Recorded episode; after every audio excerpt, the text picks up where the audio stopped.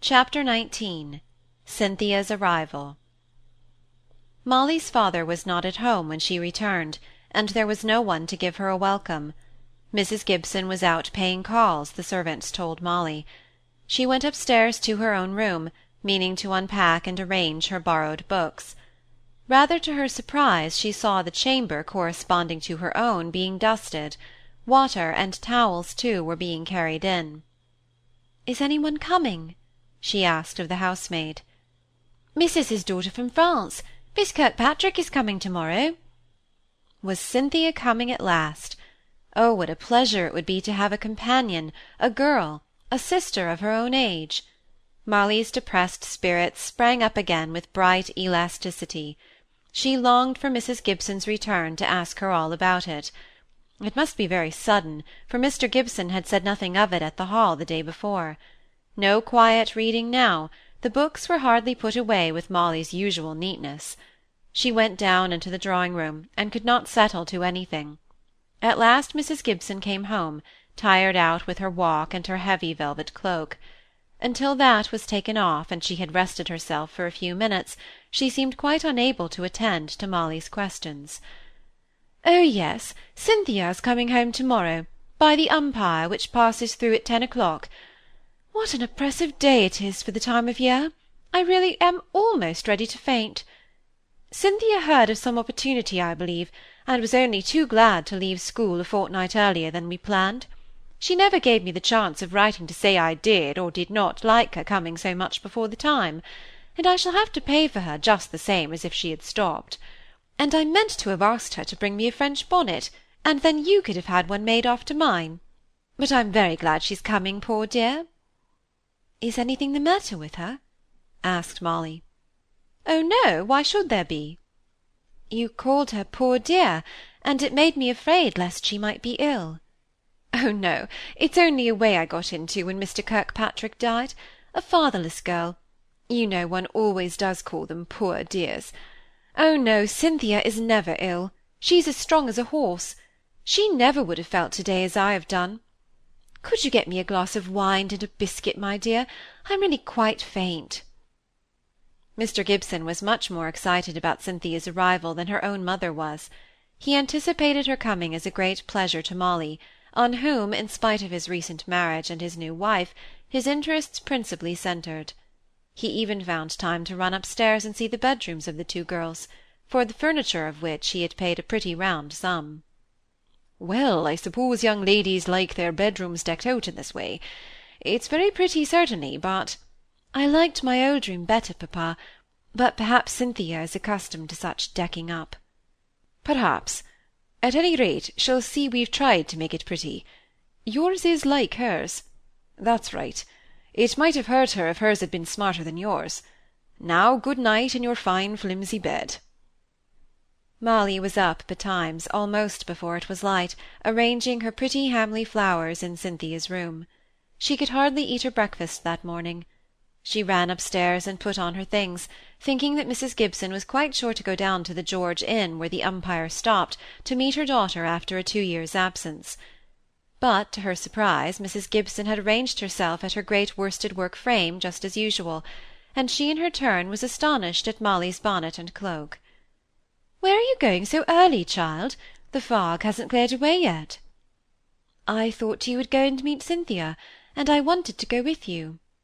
"She will be here in half an hour, and dear papa has told the gardener to take the wheelbarrow down for her luggage. I'm not sure if he has not gone himself." "Then are you not going?" asked Molly with a good deal of disappointment. "No, certainly not. She will be here almost directly and besides, I don't like to expose my feelings to every passer-by in High Street. You forget I have not seen her for two years, and I hate scenes in the market-place." She settled herself to her work again, and Molly, after some consideration, gave up her own going, and employed herself in looking out of the downstairs window, which commanded the approach from the town. "Here she is! Here she is!" she cried out at last. Her father was walking by the side of a tall young lady. William the gardener was wheeling along a great cargo of baggage. Molly flew to the front door, and had it wide open to admit the new comer some time before she arrived. "Well, here she is. Molly, this is Cynthia. Cynthia, Molly. You're to be sisters, you know. Molly saw the beautiful, tall, swaying figure against the light of the open door, but could not see any of the features, that were for the moment in shadow. A sudden gush of shyness had come over her just at the instant, and quenched the embrace she would have given a moment before. But Cynthia took her in her arms and kissed her on both cheeks. "Here's mamma," she said, looking beyond Molly on to the stairs where Mrs. Gibson stood, wrapped up in a shawl and shivering in the cold. She ran past Molly and Mr. Gibson, who rather averted their eyes from this first greeting between mother and child. Mrs. Gibson said, "Why, how you are grown, darling! You look quite a woman." "And so I am," said Cynthia. "I was before I went away. I've hardly grown since, except, it is always to be hoped, in wisdom." "Yes, that we will hope," said Mrs. Gibson, in rather a meaning way. Indeed, there were evidently hidden allusions in their seemingly commonplace speeches. When they all came into the full light and repose of the drawing-room, Molly was absorbed in the contemplation of Cynthia's beauty.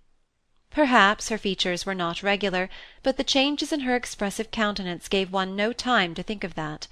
Her smile was perfect, her pouting charming, the play of the face was in the mouth. Her eyes were beautifully shaped, but their expression hardly seemed to vary. In colouring she was not unlike her mother, only she had not so much of the red-haired tints in her complexion, and her long-shaped, serious grey eyes were fringed with dark lashes, instead of her mother's insipid flaxen ones. Molly fell in love with her, so to speak, on the instant.